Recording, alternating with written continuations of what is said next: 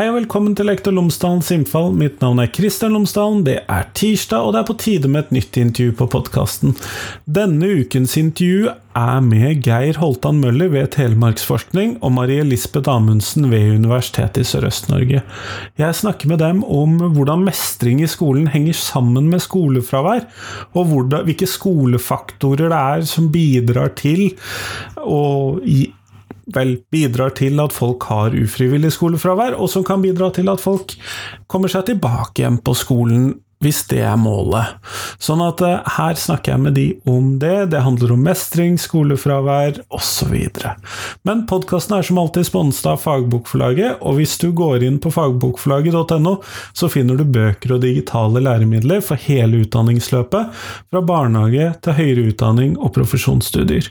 Også for norsk for minoritetsspråklige, det må jeg ikke glemme. Og det siste året så har det kommet ut en rekke spennende titler, eh, blant annet Profesjonell muntlighet, som handler handler om stemmebruk, retorikk, diksjon, og er skrevet for alle som lever av å snakke, og det gjelder definitivt lærere.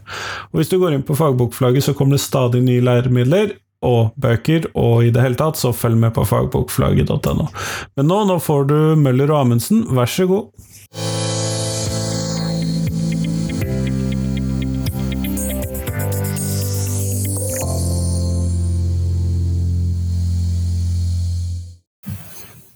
Marie Lisbeth og Geir, tusen takk for at dere har tatt dere tid til meg i dag.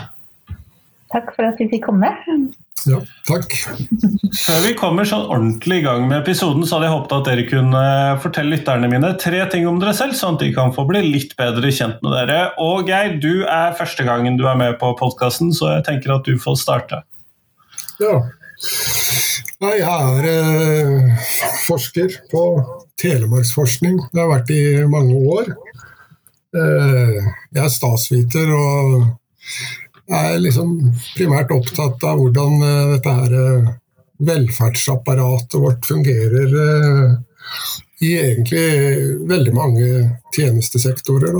Jeg har jobba med alt fra Nav til barnevern, nå er det skole, barnehager. Det er veldig sånn stort spekter jeg har vært innom. Da. Så jeg syns det er interessant å jobbe og se hvordan på en måte dette velferdsapparatet vårt fungerer i, i ulike sektorer av velferdssystemet.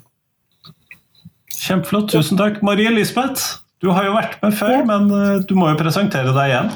Ja, ja.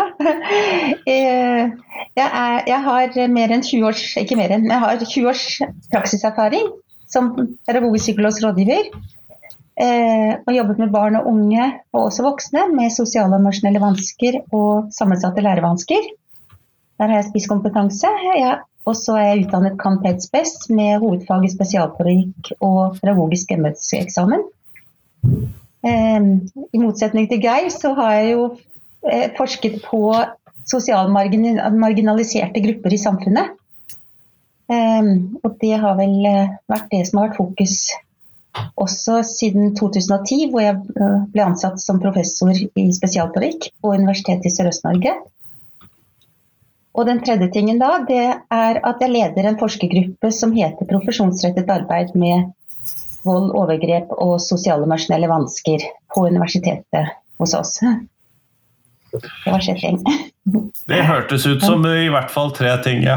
Eh, I dag så skal vi jo snakke om eh, skolevegring. Det er jo ofte det som vi snakker om. Og så er det ulike faktorer som kan være med på å skape en situasjon hvor elever holder seg borte fra skolen eh, i ulike sammenhenger. Og hvis jeg da skal spørre dere, starte litt sånn bredt. Hva er de skolerelaterte faktorene for, som er med på å skape en sånn situasjon? De, ta, ja, eh, de skolerelaterte faktorene, det er jo Vi ser jo at 56% er utsatt for mobbing. Og så ser vi at halvparten ikke har noen gode relasjoner til noen av de voksne på skolen. Og Fire av ti har ingen venner på skolen. Og seks av ti har lærevansker, eller faglige vansker. Det betyr at de ikke får tilpasset opplæring. Og av dem så ser vi nå i den siste studien vår at 29% kommer til kort allerede i begynneropplæringen når de skal lære bokstavene. Det betyr jo allerede i første klassetrinn. Og det er jo veldig alvorlig. Og blant de med ADHD så er det 39, altså 4 av 10. Og så kan vi si litt mer om de forskjellige skolerelaterte faktorene, hva det betyr. Men kanskje Geir kan si noe om hjelpeapparatet? Ja, eller jeg kan kanskje supplere litt det du sier da. og når det er liksom de skolerelaterte faktorene, så Vi har jo publisert uh, noen artikler nå, og du kan si at det, det, vi så først, hadde jo utspring i det at uh, det var jo veldig mange, veldig stor andel som hadde blitt mobba. Og da kan vi si at det, da var vi liksom opptatt av skolemiljøet i den forstand at det var eh, relasjoner til andre elever, det handla om relasjoner til læreren. Altså, du får ikke til det. Men så i den siste artikkelen så har vi jo også eh, sett at det, det, handler om det skolefaglige. At de har utfordringer med ikke bare liksom miljøet og forholdet til andre elever, men også det skolefaglige. Som liksom var en viktig kilde til eh, eh som, Det ser ut som det er en sånn viktig kilde til at vegringen starter opp. At du har problemer med å mestre det skolefaglige. Så, så, det er liksom, sånn jeg ser det, så er det liksom to aspekter ved, ved, ved, ved, skolen. Det er liksom miljøet, og så er det det skolefaglige da, som er utfordringen her. Mm. Så, ja. Og så ser vi jo at de som, de som uh, ikke har så gode relasjoner til så mange voksne, og ikke har så mange venner, i enda større grad er utsatt for mobbeproblematikk.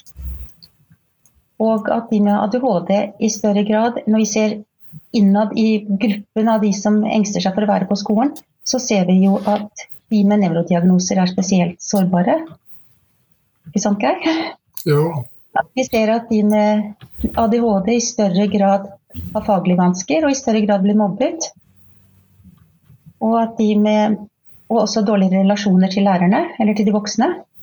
Mens de med autisme de savner venner. De blir ens, mer ensomme. Mm. De har faktisk eh, men jeg må jo si, som de, som de. Ja? Jeg må jo si det at jeg er litt overrasket over dette faglige perspektivet også. fordi at noen av disse sosiale faktorene de har vi snakket om eh, eller de har vi liksom snakket om før, og at det har vært en del av dette. Men at det også det faglige spiller inn, det overrasket meg litt. Selv om jeg kjenner på meg at det ikke burde overraske meg i det hele tatt. Mm. Nei. Ja, du, kan, du, kan, jo si at vi har snakka eh, Hvis du liksom går inn i, i hvert fall denne faglitteraturen, da, så, så, har det jo vært snakka om skolemiljøet en stund, men, men det som eh, en har vært mest opptatt av, har jo vært barna og familien. Altså eh, hva, er, hva er galt i familien, hva er galt med barna? Også, som Marie Lisbeth sier, altså en veldig stor andel, i hvert fall i vår undersøkelse, en veldig stor andel av, av, av de som uh, vegrer seg for å gå på skolen, de har jo uh, autisme, ADHD. Eh, og så kan du si at det, ja, kanskje det er en årsak, men, men hvis vi vrir på det, så kan vi si at hvor godt er skolen tilpassa i elevgruppene der, da. Eh, sånn at det, altså, det kan være liksom egenskaper ved Eh, barna også, for så vidt. Men, men, eh, men, de skal jo ha en skole, de også, eh, på et vis. Og så, så blir spørsmålet liksom hvordan, hvordan skal skolen for, tilrettelegge for, for denne elevgruppen også. Og Det, mitt inntrykk er jo at det er veldig varierende hvordan på en måte skolene tilrettelegger for et godt skolemiljø og læringsmiljø. Sånn at det er i hvert fall variasjoner store variasjoner. Så kan du tenke at noen opererer kanskje med sånn litt smalere rammer for hva, eh, hvordan en skal Eller ja, smalere rammer for, eh, for eh, det som betraktes som normalt, kanskje, da, mens andre har videre, rammer og er mer inkluderende da, også for den gruppa her da, som er mer sårbare så ser vi jo at åtte av ti har redusert mestringstillit. Og det jo, sier jo litt om at ikke de får tilpasset opplæring. Og det dette handler jo også om eh, altså å få tro på egne evner og ressurser. Og vi ser jo da at en veldig høy andel av disse elevene opplever at det er et gap mellom egen mestringsevne og skolens krav og forventninger. Og det, det gjør noe med selvbildet.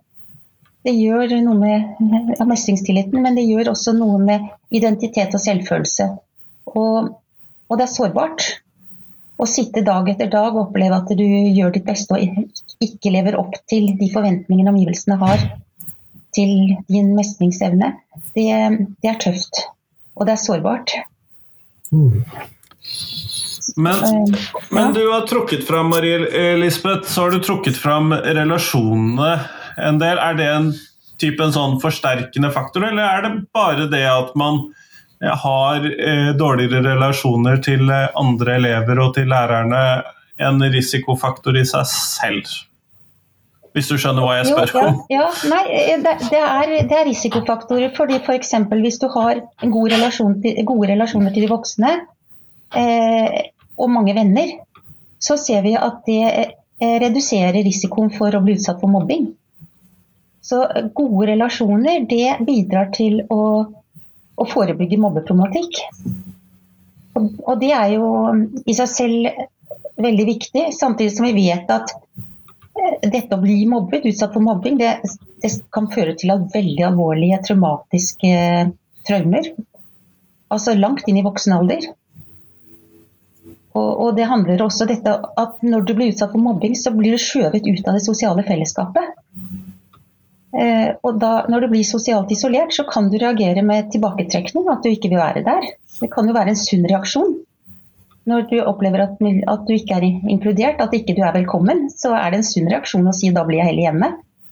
Eh, ellers er det noen som spiller klovn og blir klassens klovn fordi de skal kompensere for at ikke de mestrer. Eh, og noen blir frustrert og, og får det utagerende atferd. Det handler om tilpasningsvansker i så fall. Og det, det, er, jo, det er jo et sårt rop, det er et skrik om hjelp i en situasjon som oppleves uh, uholdbar for et barn eller en ungdom. Mm. Og konsekvensene er jo veldig alvorlige. Mm.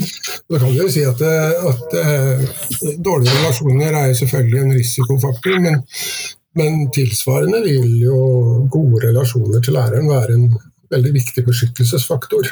Altså, hvis du i utgangspunktet er eh, litt sårbar, så, så eh, Det er jo mange som har skrevet om læreren som den betydningsfulle andre. Eh, og Det har mange eksempler på det. Jeg husker Det var en historie i Aftenposten en eller annen gang der, der det var en jente som, hadde ja, fungerte som en slags sånn gjengleder for en jentegjeng som da hadde hadde ja, lagde mye støy på skolen. Hvorpå den ene læreren hadde satt seg ned med denne jenta og snakka om hva du vil med framtida di osv. Og, og, og det er på en måte alt hadde snudd bare ved hjelp av den samtalen der. For å gjøre en lang historie kort. Da. Men, eh, men poenget her er at, eh, at, eh, læreren kan være en veldig viktig beskyttelsesfaktor også for barn som er sårbare. Da. Ved å være liksom den betydningsfulle andre. Ja, altså det, det, er det, er ganske mye både nasjonal og internasjonal forskning som viser at relasjonen mellom lærer og elev er tett korrelert til eh, motivasjon og læring. Eh, sånn at eh, En ting er at det forebygger mobbing og det øker trivsel osv., men, det, men det fremmer også læringsevne og motivasjon og, og lærelyst. Eh, og det er jo nesten umulig eh, å ha en god relasjon til alle elevene i en storklasse. Så jeg skulle jo ønske at eh, vi tok lærdom av dette og så at klassene må bli mindre. Minst 20 elever, nei, nei, maks 20 elever i barnetrinnet og maks 24 elever i ungdomstrinnet hadde vært mer enn nok.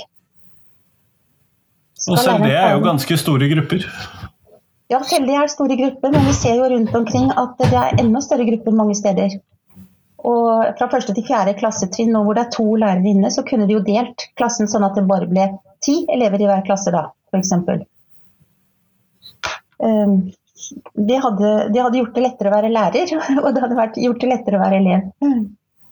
Mm. Samtidig så gjør jo det det vesentlig mer kostbart å drive skole. Det er vel kanskje det som er den store utfordringen? Eh, ja, men, men eh, det gjør, gjør det kanskje mer kostbart å drive skole. Men Norge er jo en av de landene som sier at vi satser mest på skole. Og likevel så kommer vi ikke så høyt på PISA f.eks. Så vi gjør noe feil. Og når vi har en så høy andel som faktisk engster seg for å være der, så sier det litt om at vi må ta noen grep. Og det må være Det er ikke lærerne som skal gå ned i spagaten, det, for der er de allerede. Det må være politikerne som ser at skolen som organisasjon må endres. Det, vi setter inn eh, kanskje altfor mye midler der vi ikke skulle gjøre det. Skjønner. Men ja, Geir. Ja, altså Ressurser er én ting, og det har, jo, det har jo selvfølgelig betydning, det. Men, men det handler jo også om hvordan man gjør det. Jeg hadde et intervju med en rektor her forleden i en litt annen sammenheng. Men, eh, men eh, det var en skole som de la veldig stor vekt på å ha et godt skolemiljø. Eh, og Det er mange aspekter ved det, men liksom ett aspekt var handla jo da om kulturen ved skolen, og der eh, det var et slags eh, eh, ideal eller motto at du skulle forstå disse her elevene. altså Hadde du noen type atferd eller noe som ikke passa inn, eller noe, så, så handla det om å reagere ved å prøve å forstå det som ligger bak denne atferden. Så det var liksom, ifølge rektoren, da, noe som gjennomsyra hele skolen. Eh, dette handla om et annet tema, men jeg spurte han helt på slutten av det intervjuet jeg hadde om, om eh, skolevegring. Men det var helt ukjent. Og- Og det er, var faktisk en skole der du kanskje skulle forvente at det var en del av de tinga der, da. Men, eh, men de hadde jobba veldig mye med, med skolemiljøet, og ifølge rektoren så var det, så var det nærmest fraværende med dette med skolevegring. Da. Så det, det syns jeg også var interessant. Nå er det bare et eksempel, da, men, eh, men det, eh, det kan bety at det ikke alltid bare handler om penger, men også om hvordan man bruker de ressursene man har. Da. Så, Ja, og, og, og det tror jeg du har veldig rett i, Geir. Fordi nå har jeg intervjuet ti lærere over 80 år, og de sier jo de visste ikke hva skolevegring var når de jobbet som lærere. Eh, så, så du er inne på noe der. Og så leste jeg jo i Utdanningsnytt nå her om dagen om Voss ungdomsskole. Hvor rektor går ut og sier at de har noe som heter Drømmeskolen, hvor de jobber med allerede fra første klassetrinn i ungdomstrinnet for at elevene skal trives og, og engasjere seg i hverandre og involvere seg med hverandre. Og de legger stor vekt på dette med empati og inkludering. Um, og har da, var det ni valgfag, tror jeg. Eh, Det tror jeg også er veldig smart. Men det som han sa, konsekvensen var jo at de så også at de hadde redusert De hadde hatt eh, de hadde redusert mobbeproblematikk, men de hadde også redusert eh, de som eh, skolevegring. Den var gått drastisk ned. Elevene trivdes. Og det i Bamble så hørte jeg også gamle barneombudet Trond Våge fortalte for en stund siden også om en skole der hvor det samme skjedde. De jobbet tett fra første klassetrinn med klassemiljø og skolemiljø. Og bevisstgjorde elevene på det. Og det gjorde vi jo også når jeg jobbet som lærer. Altså, elevene startet til skoledagen med å massere hverandre. Har du massert den som sitter foran deg, så mobber du ikke ti minutter etterpå. Um, vi hadde noe, Paul Lissen, som var dansk, som, som skrev disse bøkene om involveringspedagogikk. Eh, Dette er helt fraværende i skolen i dag. Eh, Men de tankene om at du hadde sosiale klassemøter en gang i uken minst, og snakket med elevene, da satt vi i ring rundt på gulvet alle sammen. Og med et lys midt på gulvet, det må det være batteridrevet nå, da. Men, og så fikk de noe varmt å drikke, og så snakket vi om hvordan vi har det. Og så kunne kanskje Kari si at ok, jeg har det ikke så godt, for mor og far krangler så mye og skal skilles. Og så kunne Ole si at det gjorde mine foreldre før de skilte seg òg. Men da tok elevene litt ekstra vare på Ole i den perioden, hvor, for de visste nå at han hadde det litt vanskelig. Kari kunne si at hunden min døde her om dagen, jeg er lei meg. Og så snakket vi om disse tingene, og alle hadde noen å leke med før vi gikk ut i friminuttene. Hva skal dere leke? Hvem skal dere være sammen med? Så delte vi opp i grupper. Altså Disse tingene som Paul Nissen med sin involveringspedagogikk sto for, når jeg jobbet som pedagogpsykologs rådgiver på 80-tallet også, i Trondheim, så ble det, det ble innført i, vi innførte det i syv forskjellige skoler. Og vi så jo at mobbeproblematikken gikk ned. Da var det mobbing som var tema eh, på disse skolene. Og når vi nå ser at det også bidrar til å redusere skolevegring, så er dette ganske spennende. Og, og han, eh, professor Arne Jorda har jo skrevet en bok om anerkjennelse i skolen. Eh, jeg tenker dette her med at elevene gjør det som Geir nå sier, at de viser toleranse for annerledeshet. Det er fint at vi ikke er like, det er fint at vi er litt forskjellige. Um, og så snakker vi litt om det, og anerkjenner den forskjelligheten. Og at elevene lærer dette helt fra starten av. Og det handler jo om at når lærerne viser elevene anerkjennelse, så lærer Dette handler om dannelse. Det handler også om hvordan elevene skal lære å oppføre seg mot hverandre. Så disse tingene tror jeg er kjempeviktige um, å, å, jobbe videre med og tenke videre på. Og kanskje når vi nå skal se på hva som virker, så er det ikke disse programmene som virker. Det har vi sett med alle disse programmene som har vært satt inn med mobbing. Det er like mye mobbing i dag som det var på 2000 når vi skulle jobbe for et mobbefritt skole. Pluss at vi i dag også har nettbasert mobbing. Eh, jeg tenker at vi må tenke litt annerledes. Og, og, akkurat nå når de nå skal lansere Back to School, som er et sånt atferdsterapeutisk program, eh, jeg tenker det er helt feil å tenke. Det er politisk styrt, det, eller økonomiske insentiver som ligger til grunn, og ikke faglige, sånn som jeg ser det. Jeg vet jo at mange fagmiljøer vil hoppe i stolen eh, og er uenige, men, men jeg tenker at vi, vi starter helt feil ende. Tenk om vi kunne lage en studie nå og se på de skolene som faktisk ikke har skolevegring som noe utfordrende problemstilling. Bare legge litt til her, for jeg kan godt hende skal inn på dette med tiltak. Men eh, når du sier det du sier nå, Marie Lisbeth, så, så tenker jeg også at det, eh, dette handler veldig mye om hvordan vi forstår disse utfordringene vi møter i dagens samfunn, kan du si. Hvis jeg, jeg ikke, bruker det begrepet 'wicked problems', altså problemer som ikke vi forstår, og problemer som kjennetegnes også av at vi kanskje ikke har noe løsning på problemet. på en måte. Altså Miljøproblematikken blir betrakta som, som, et 'wicked problems'. Men jeg kan si at sko skolevegring også har kjennetegnes av å være et 'wicked problem'. Så, og som jeg sier, så, så handler jo det om at vi ikke helt forstår hva det er. Men det er ulike forståelser, og tradisjonelt så har jo dette handla om at det, eh, vi ser på barnet, vi ser på familien. Det er der på en måte litt av årsaken ligger. på en måte da. Og det er jo liksom, Jeg har hatt en tendens eh, de senere åra til å liksom rette oppmerksomheten mot enkeltindividet. Eh, og vi har psykologer som skal fikse enkeltindividet osv. Og, så og så glemmer vi på en måte litt av den store miljøfaktoren. Og Hvis vi skal liksom komme inn på tiltak og, eh, sånn etter hvert, så syns jeg det er også interessant å trekke frem den der Islandsmodellen. Uh, altså, det handler jo om rusforebygging, da, men, men, veldig mye av, av rusforebygging handler jo, har jo handla tradisjonelt om å etablere tiltak små, enkle tiltak retta inn mot elever, for, foreldre for så vidt osv. Men på Island så satte de i gang en sånn svær modell som handla om at du inkluderte lovverk, regelverk, eh, idrettsorganisasjoner eh, ja, altså, Du tok på en måte hele samfunnet på en måte da, som, et, eh, som et virkemiddel. altså Gjorde endringer i hele samfunnet som, som et virkemiddel. Og det har jo hatt en ganske formidabel nedgang i ungdoms rusforbruk, eh, der de vel på slutten av 80-tallet hadde et veldig høyt forbruk av alkohol blant ungdom.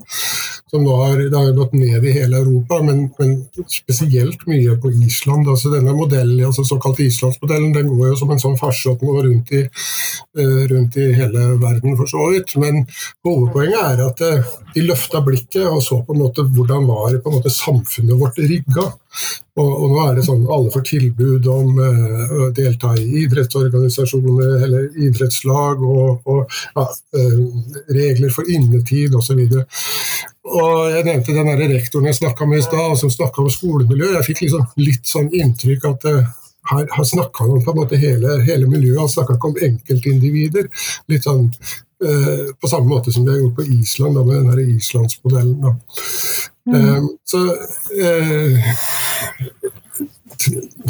tradisjonelt så liksom eh, har vi nå liksom de siste åra sett veldig mye på enkeltindivider, mens kanskje løsningen ligger egentlig i de her, eh, eh, litt, altså, det å se liksom eh, lø, lø, både årsaker og løsninger i et litt sånn større perspektiv, da, som omhandler på en måte hele samfunnet vi, vi lever i, for så vidt. Og ja, ja, jeg støtter det veldig. Og, og vi vet at engstelige barn rapporterer om god livskvalitet hjemme, men utfordringene, større vanskene, av vanskene oppstår i relasjoner til venner og til skole. Og det, var, det er flere studier som viser, bl.a. Raknes med flere fra 2017. Og vi vet at når barn trives hjemme, men ikke på skolen, så har skolen noen kvaliteter som, som eh, fagfolk bør etterspørre og, og, ta på alvor. Eh, og, og, det handler om hvis et barn sitter på skolen og ikke tør å gå hjem fordi det engster seg for å være hjemme, da ringer alle klokker. Men hvis barnet sitter hjemme og engster seg for å gå på skolen, eh, så burde jo de samme klokkene ringe. Da må man jo si at hva er galt med den skolen? Det er jo der barnet engster seg for å være. Mm. Og det som, det som, veldig ofte preger den der eh, skolevegringsdebatten, det er jo nettopp at vi blander begrepene. For man snakker om skolefravær. Eh, det gjør de også i den nye studien Back to School. Altså, Skolefravær handler om veldig mye forskjellig. Og det handler om skulk fordi du faktisk ønsker å, å gjøre noe annet. Du ønsker å ikke gå på skolen en dag, ønsker å ha en fridag hjemme. Eller du ønsker skulk fordi du ønsker å være med venner, altså eldre, eldre, venner eller noe sånt. Eller på fotballbanen.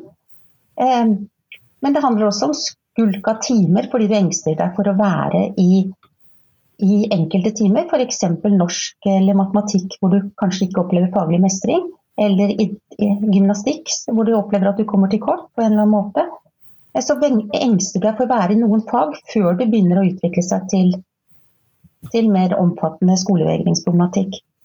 Og, og, jeg tenker allerede der bør vi gripe inn og si hva er det, hva er det som gjør at du engster deg for å være på skolen.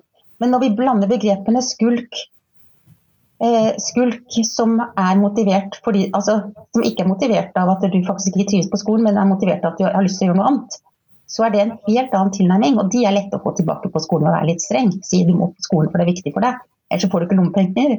Men de som engster seg for å være på skolen i noen fag eller i hele dager, de er jo mer sårbare. Og da må vi høre hva er det som er årsaken? Hva er, det? Hva, gjør, hva er grunnen til at du engster deg? Er det mobbeproblematikk, så må vi ta tak i det. Og vi fant jo at over halvparten, 55 av de som var utsatt for mobbing i vår studie, opplevde at ikke det ble satt inn noen tiltak.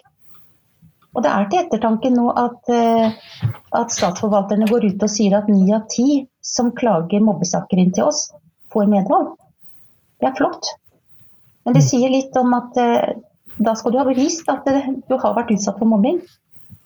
På samme måte så, ønsker, så håper jeg liksom at vi kunne få inn i paragraf 9a også et krav om at eh, når barn engster seg for å være på skolen, altså skolevegring, når det viser seg, så skal skolen sette inn tiltak med en gang.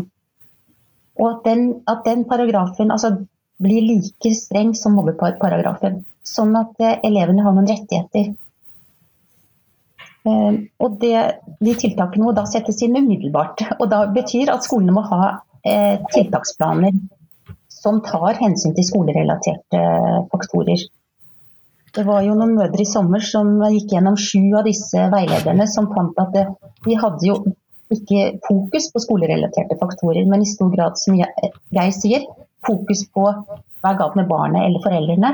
Pluss at de snakker om skolefravær og blandet alt i én sekk. Og det blir feil, for det er to vidt forskjellige, eller mange forskjellige tilnærminger. Og jeg har jobbet mye med skolevegring jeg har jobbet som pedagogisk psykologisk rådgiver. Um, og i regi av Samtak så hadde vi åtte kommuner som vi skulle betjene. Jeg er jo en psykologspesialist. Uh, og vi fikk jo mange av disse sakene. Det var jo ikke, Tiltakene var aldri like. Vi snakket med barna og foreldrene hva handler dette om. Og så fant vi noen tiltak ut fra akkurat det barnet. Og det bør ikke være Vi har ikke skoleplikt i Norge, vi har opplæringsplikt. Og der landes begrepet nå. Det er ikke sånn at det er foreldrenes plikt å få barna på skolen. Men barnet skal ha undervisning. Og det kan godt være utenfor skolens fire vegger hvis det er så tøft å være på skolen for dette barnet en periode. Så tok vi utgangspunkt Var det et barn som var glad i å fiske, så tok vi utgangspunkt i det. Da dro vi og fisket med en liten gruppe. En eller to medelever. Og en lærer som hadde en god relasjon til det barnet. Og så kunne vi veie og måle fisken, og vi kunne putte den i så og så mange deler. Altså, det er mye du kan gjøre. Masse læring. Vi laget en opplæringsplan, undervisningsplan med utgangspunkt i natur og fiske, f.eks. Var det en som var opptatt av teknikk, så kunne vi besøke Teknisk museum og skrive prosjektoppgaver osv. ut fra det. Det er altså, må, og, vi, og, samtidig så jobbet vi da med å bedre klasse- og skolemiljø, sånn at den lille gruppen kunne loses tilbake til skolen. Det gikk alltid. Det er ikke ett av de barna eh, som jeg jobbet med, eh, eller som vi jobbet med, som ikke kom tilbake til skolen. Det, men, men, det er klart at det, det må utløses ressurser litt raskt. Og det er det PP-tjenesten som må, derfor må PP-tjenesten inn. Det er viktig med tanke også på å skrive sakkyndig rapport. Ehm, sånn at de kan utløse ekstra ressurser raskt. Men ellers så kunne det vært fint om det var noen ekstra ressurser med tanke på denne type problematikk. At man vet hva man skal gjøre, og at man handler raskt. For vi vet at jo lenger barnet blir sittende hjemme, desto vanskeligere er det å komme tilbake. Men uh, Marie Lisbeth, hvis vi så ser på eh, disse klagene som da kom inn for disse mobbesakene til statsforvalteren, så ja. sa du at ni av ti fikk medhold. Og jeg må jo innrømme, for min del som jobber med andre typer klagesaker til statsforvalterne, ja. hvor ni av ti får avslag. ja. Eh. Og, og, jeg må innrømme det at uh, ofte så er det dere klager på ting som ikke er et problem, eller det er ikke ulovlig, så det går ikke an å klage på, eller dette her er innenfor normalen, eller et eller annet. Det er den hverdagen jeg møter når jeg ser på ulike klagesaker til statsforvalteren. At man da for ni av ti tilfeller får medhold hos statsforvalteren, er uh, direkte sjokkerende. Ja, det er veldig bra. Eh, jeg tenker at Det sier litt om at statsforvalternes kontor at de, at de har tatt det på alvor. Og det opplever at de gjør. Eh, fordi altså Mobbeproblematikk og det handler jo også om at eh, barnas rettigheter i forhold til det å ha et godt psykososialt klasse- og skolemiljø, det er sikret eh, i forhold til mobbing. Men det, det, skal jo også gjelde i forhold til i forhold til det at de engster seg for å være på skolen. De har rett på tilpasset opplæring i et inkluderende skolemiljø. Men det er jo For mange barn så er det fortsatt en visjon. Men det men eh, hvis vi kunne fått eh, samme rettighets... Eh, en paragraf inn under opplæringsloven paragraf 9a som sikrer at skolene har en handlingsplikt, så hadde vi kommet veldig mye lengre i hvert fall skritt videre. Men, du, du, sa, du sa i stad, Marie Lisbeth, at uh, mobbinga har jo ikke gått ned. Mobbinga har heller ikke gått ned etter at vi fikk inn uh, altså en, en, revidering av IA i opplæringsloven. Så at, uh, jeg er litt usikker på om disse her innføring av sånne formelle prosedyrer, hvor godt det virker. Jeg tror vel at, at du, altså, du må gå inn og se på hvordan jobber man med disse her. Én ting er på en måte et kravet til at uh, skolen skal gjøre noe, og det kan gjøres mye, selvfølgelig. Men det som avgjør, er hvordan man gjør det. Uh, og, og, selvfølgelig er det viktig at, at, det stilles krav til at noe blir gjort, men, men, til syvende og sist så tror jeg det er altså, Hvordan håndterer man sånne, sånne, problemstillinger da? Og Du var inne på, var inne på det med, ja. med, back to school og, og disse her tiltakene som kommer. I dag så er det jo liksom et ideal at tiltakene skal være evidensbasert og, og, og testa osv. Men veldig mye av de tiltakene er veldig sånn individfokusert. Vi ser også Back to School, som nå liksom lanseres i Norge. Så ser du på liksom begrepsbruken. Det er terapi, det er liksom fiksing. Altså Det er ikke bare det, da, men, men, men det liksom, du skal fikse barnet, på en måte. Du skal ikke, du skal ikke fikse samfunnet rundt barnet. Så, ja. nei, nei, riktig. Og det er jo til ettertanke at det har vært prøvd ut i Danmark, og, og resultatene derfra er, foreligger ikke ennå. Men jeg vet at Autismeforeningen har reagert ganske sterkt. Og flere psykologer og et par professorer har reagert. Så det har jo vært veldig omdiskutert der borte. Og likevel så prøver det uten å, å se gjennom. Det er masse tabeller bl.a. Som, som spørsmål i spørreskjemaer som de skal fylle ut. som som er direkte nedlatende og ydmykende, og som kan gjøre vondt verre for et barn som allerede strever med angst eller, eller blir mobbet f.eks. Så skal du svare på en del spørsmål helt, helt ned til seksårsalder, istedenfor å gå inn og se Det er mange seksåringer som, som faktisk kanskje ligger på fire-femårsnivå. Eh, de kommer rett fra barnehagen. Eh, og da må leken i mye større grad inn fra første stund. Eh, og vi må ta hensyn til at elevgruppen varierer sterkt. Altså fra fire, fra, kanskje fra fire til syv års alder som kognitivt. Og gutter henger jo ofte litt lenger etter. Og når vi ser nå etter hvert at 25% av elevene har lese- og skrivevansker, vi vet at 4, rundt 4% har dysleksi, den gruppen vil nok være, være, fast. Men de også trenger veldig mye ekstra støtte og hjelp helt i starten for å kunne komme, komme i havn og bli gode lesere. Og så vet vi jo at de som får lese- og skrivevansker eh, allerede i starten, allerede fra fjerde klassetrinn, så er du helt avhengig av å kunne lese og skrive for å mestre skolen. Så metodikken som vi ser som, som er Nå har jeg vært rundt i seks eh, førsteklassinger eh, over to år og får lov å følge dem fordi vi har noen studenter som har spurt meg om å gjøre det. Eh, fordi de har spurt om hva kan vi gjøre for å redusere antallet som får lese- og skrivevansker. Og det jeg ser er jo at de starter opp med både de store og de små bokstavene, altså 58 bokstavtegn, eh, allerede i første klassetrinn før jul. Eh, de presenterer de store og de små bokstavene samtidig, hele bokstav 29, altså 58 bokstaver henger da i klasserommet. Det er ganske mye. Og vi vet at eh, Og mange da skriver også, så det blir 87 bokstavtegn.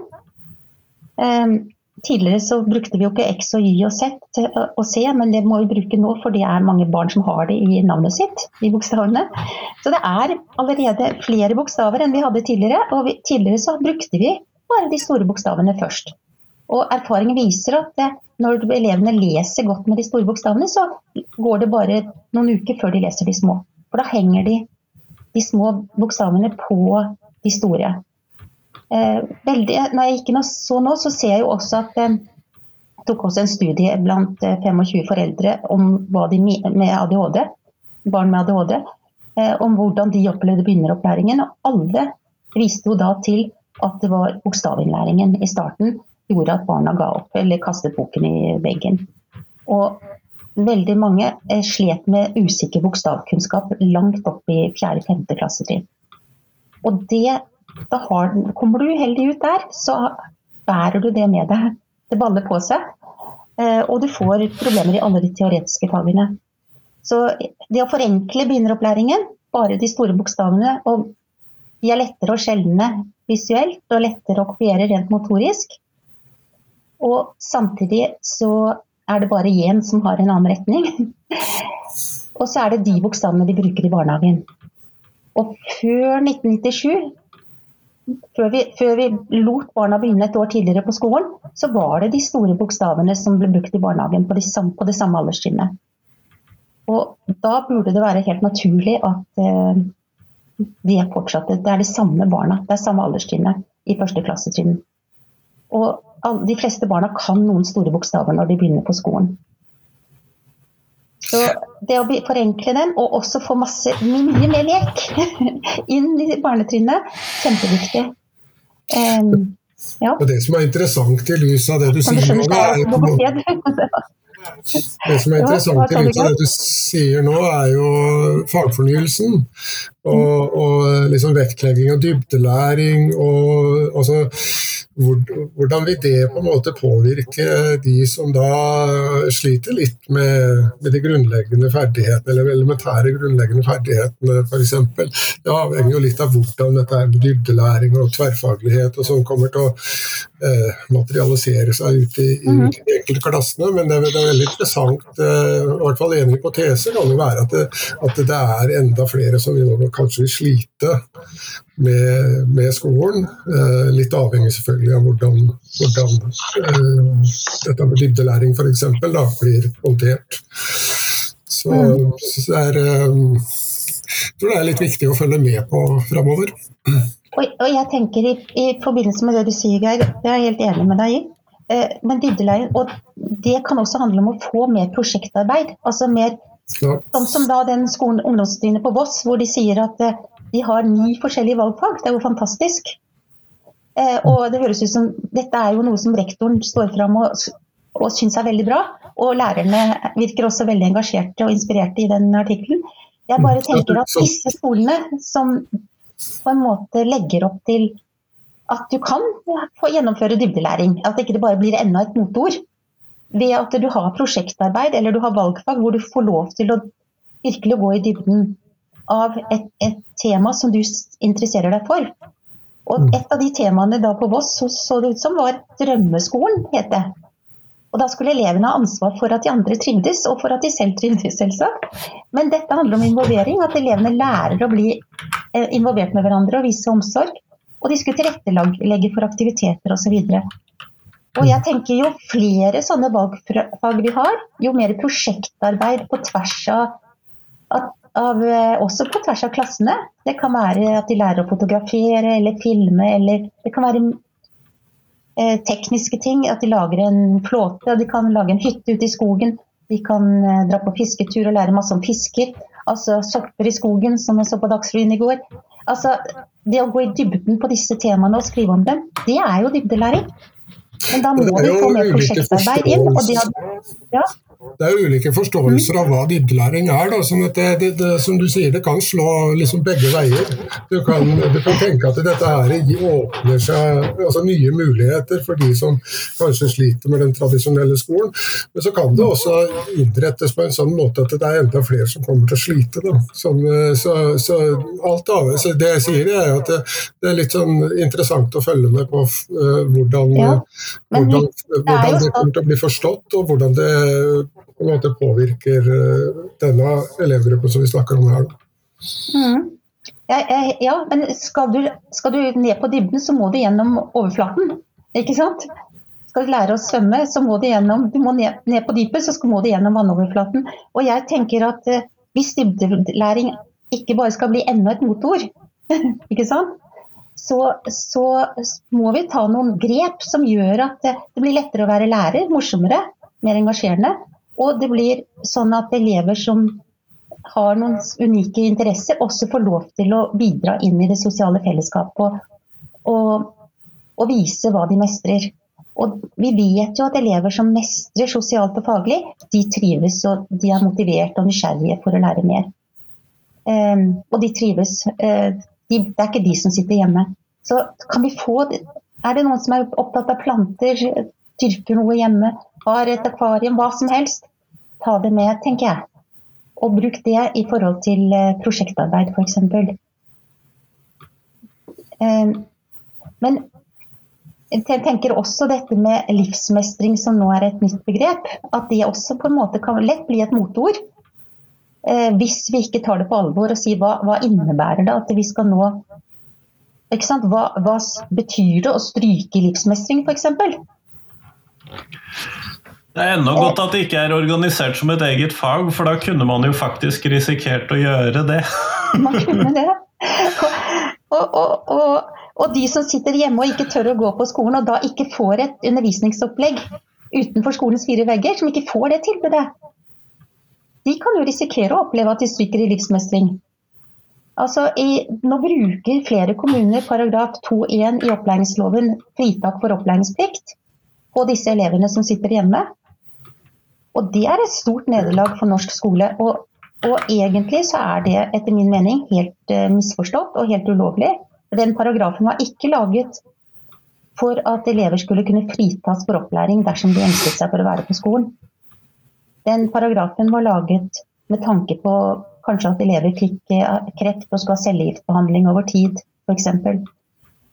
Og, og uh, i en studie så Vi gikk inn på en Facebook-gruppe bare for å se bare den dagen hvor mange som hadde opplevd å eh, få spørsmål om de ville frita barnet for opplæringsplikt. Av de som var på en spesiell Facebook-gruppe. Vi gikk inn i en helt tilfeldig Facebook-gruppe. For det er ganske mange av dem nå, tydeligvis. Eh, og da, bare den dagen så var det en fjerdedel som sa ja. Av 250 mennesker. Og vi gikk inn og, og intervjuet eh, rektorer og pedagogisk rådgivere, og alle sa jo det samme. Dette er noe vi gjør når vi ikke vet hva vi skal gjøre. Når vi ikke har noen andre råd. Og de, flere trodde også at da ville de ikke få noe erstatningskrav i ettertid. Men det, det er nok misforstått. Jeg tenker at eh, den paragrafen har vel egentlig ikke noe i opplæringsloven å gjøre i det hele tatt. Like lite som jeg syns utvisning av elever skal vi snakke om en inkluderende skole, så kan vi ikke utvise elever som ikke oppfører seg sånn som de ønsker. Da må vi sette inn noen tiltak der og da. Men det er noe annet. Men det er noen av disse paragrafene som eh, blir mistolket. Eh, og en annen, en annen eh, Når jeg sier dette, så blir folk sinte av og til. Men, men dette her med brudd på taushetsplikt, som allerede i 2017 ble tatt opp, så var det mange som sa at det ikke Altså at det er brudd på taushetsplikten når lærere henviser foreldre til eller melder foreldre til barnevernet fordi barna ikke møter opp på skolen. Eller blir hjemme fra skolen fordi de engster seg for å være der. Altså når det gjelder skolevegring. Og da ble det veldig mange som sa at det var misforstått. Men nå er jo eh, vår nye barne- og familieminister Toppe hun har jo stått fram og sagt at det er helt sant. Barn, det er barnevernet, ikke barnevernets ansvar å ta tak i sånne saker når det gjelder, eh, når det gjelder skolevegringsproblematikk. Og det er flott, for da kan, da kan, disse, da disse saksbehandlerne bruke tiden på de barna som virkelig er utsatt for omsorgssvikt eller overgrep. Eh, sånn at vi får færre av de sakene. Eh, men akkurat det er et, et poeng også, fordi jeg, jeg tror det er viktig å se dette her også ut ifra skolens ståsted. Uh, sett fra skolen så de må de forholde seg til egentlig mange typer saker. Det er skolevegring, det er voldsproblematikk, det er uh, mange ting. Og, og sånn som Når det liksom dukker opp en eller annen eh, sak, på en måte, eller altså der de begynner å bli bekymra for et eller annet, så, så, vet jo i utgangspunktet ikke skolen hva dette handler om. Og det kan, det kan, handle om helt andre ting også. Det kan handle om at et barn rett og slett blir misbrukt, eller, eller, eller eh, Men da er det ikke skole... Da er det jo ikke det, nei, det er ja, men da er det ikke skolevegring. Hvis vi skal bruke sier altså, Sett fra skolens ståsted, så, så vet de jo ikke det i utgangspunktet. Så et veldig viktig poeng her tror jeg er også å og, at skolen prøver å finne ut av hva er dette her handler om på et tidlig tidspunkt. Eh, sånn at de ser at dette er skolevegring, og at de handler da i tråd med at det faktisk er skolevegring og ikke noe annet. da. Ja, ja, og det er viktig, selvsagt. Men hvis det er skolevegring, så, er det, så handler det om et barn som engster seg for å være på skolen. Eh, I så stor grad at ikke det klarer å gå, selv om det har lyst til å være der. Og foreldrene har lyst til at barnet skal gå. Det er jo King og Bernsteins definisjon som vi har brukt, eh, Geir. Og, og det er også den definisjonen som brukes internasjonalt. Um, og, og, da handler det ikke om foreldre, da handler det ikke om mishandling eller overgrep, eller noe sånt, for de, de sakene skal barnevernet ta.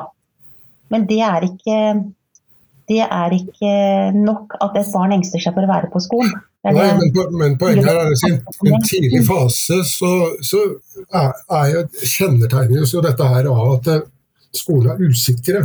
De lurer hva er dette her for noe. Uh, og istedenfor å handle før de tenker, så er hovedpoenget at eh, ok, da må man prøve å finne ut av hva dette her er, sånn at en ikke handler feil. Og sender på en måte automatisk saken til barnevernet, f.eks. Altså, ja, ja. Så Men, Men men da handler det jo om å snakke med barnet. Ja, ja. Altså hvis den, det første man gjør da når et barn engster seg for å være på skolen, det er jo å gå hjem til det barnet og høre hva er det som gjør at du engster deg. Mm. Eh, for å være der. snakke med barnet, snakke med foreldrene. Eh, den som har skoen på, vet best hvor det trykker. Og jeg tenker at eh, en melding til eh, barnevernet er i hvert fall brudd på taushetsplikten.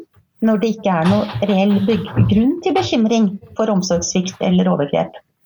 Men eh, dere, nå er vi inne i en veldig spennende diskusjon, og den tror jeg er verdt minst et par egne samtaler. Eh, og vi går rett og slett mot slutten av den tiden vi har, så for å få tid til det siste spørsmålet som jeg stiller alle for tiden, så må jeg nesten avbryte dere der. Eh, Ja. og det avsluttende spørsmålet mitt for tiden er hvilken lærer har gjort størst inntrykk på deg, og hvorfor det? Og da starter vi med deg, Marie Lisbeth. Ja. Eh, jeg, jeg, jeg tenker at eh, jeg har vært, vært, fått lov til å blitt invitert på flere skoler. Og sett, på, og sett lærere som eh, har vært utdannet hos oss, som er kjempedyktige. Det er ikke bare én, men det er heldigvis mange. Og de, de er unikt interessert i barna, har gode relasjoner, er opptatt av at barna trives, opptatt av å bygge god, et godt klassemiljø og skolemiljø. Og jeg ser jo at det som preger eh, oss preger disse lærerne, som er så dyktige og engasjerte, det er også at de har veldig gode ledere. Gode rektorer som støtter dem. De får lov til, de får et handlingsrom som gjør at ok, er, ser du at i dag har ikke klassen det helt bra, det er noen som ikke trives, da skyver vi pulten inn til siden og så setter vi oss på gulvet og så prater vi sammen. Altså, Disse lærerne de er helt unikt gode. og og det er jo som sagt sikkert mange lærere som er utdannet andre steder òg, men jeg får jo stort sett bare tilbud om å følge de lærerne som har vært utdannet hos oss. Og er, de er kjempedyktige. Og jeg har også vært på skoler hvor jeg ser eh, lærere som har vært utdannet eh, andre, på andre universiteter og høyskoler som er like dyktige. Og, og det er veldig personavhengig. Men eh, det som preger dem, er at de er unikt opptatt av at barna og ungdommen skal trives og ha det godt. Og de, og de lærerne de har det også vondt når de ser at elevene ikke trives og ikke har det godt. De bryr seg, så de bekymrer seg. Så for dem er det heller ikke godt å være på jobb når de ikke opplever at de klarer å møte alle elevene så godt som de skulle. Derfor vil jeg ende opp med å si at eh, klassene, må bli mindre, og lærerne må få større handlingsrom. Og det må legges større vekt på humanistisk tenkning. Alle mennesker har mulighet for vekst og utvikling, bare forholdene legges til rette for det. Og skolerelaterte faktorer. Eh, altså, det må løses på skolen.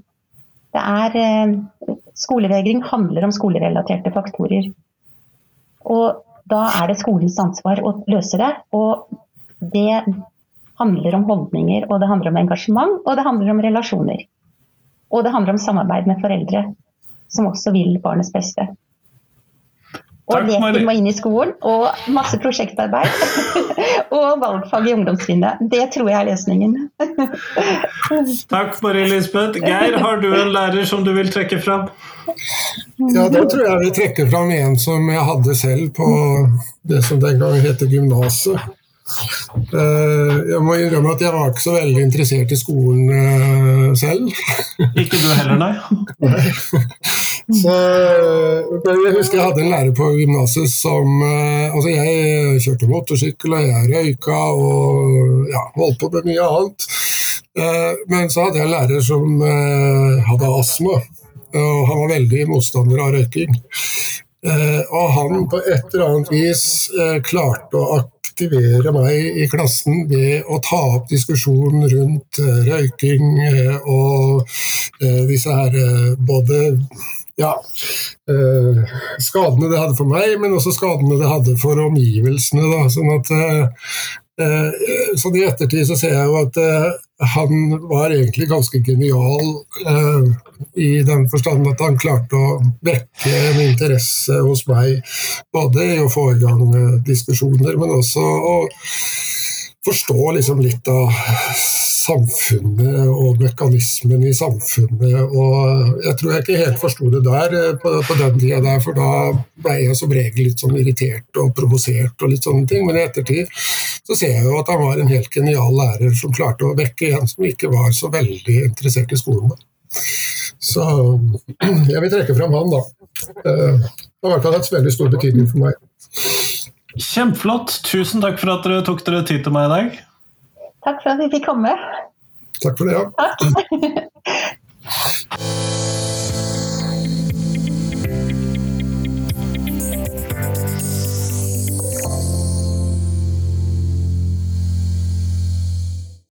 Tusen takk til Marie Lisbeth, tusen takk til Geir, og tusen takk til deg som hørte på, selvfølgelig. Nå er det fram til fredag, så kommer det et nytt intervju på podkasten. Og det er jo rett og slett fordi jeg trenger å få en episode på luften før 6. februar, sånn som jeg liker å gjøre. Da handler det selvfølgelig om det samiske, med tanke på at 6. februar er samenes nasjonaldag. Og da skal jeg snakke med Kristin Evju om læreres erfaring med undervisning om det samiske i skolen, og det tror jeg kan bli veldig spennende.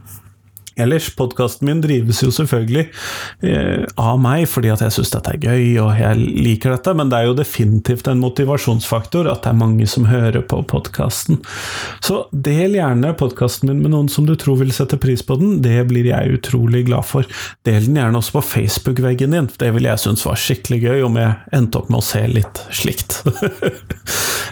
Dette er jo eh, litt egoboost, er det selvfølgelig, men det er også en stor glede ved å dele alle disse interessante menneskenes historier og temaer og hjertebarn, forskningsområder, alt sammen. Sånn at eh, jeg blir i hvert fall veldig glad hvis du hjelper meg å spre dette. Men nå, nå får du ha en fin uke. Hei, hei.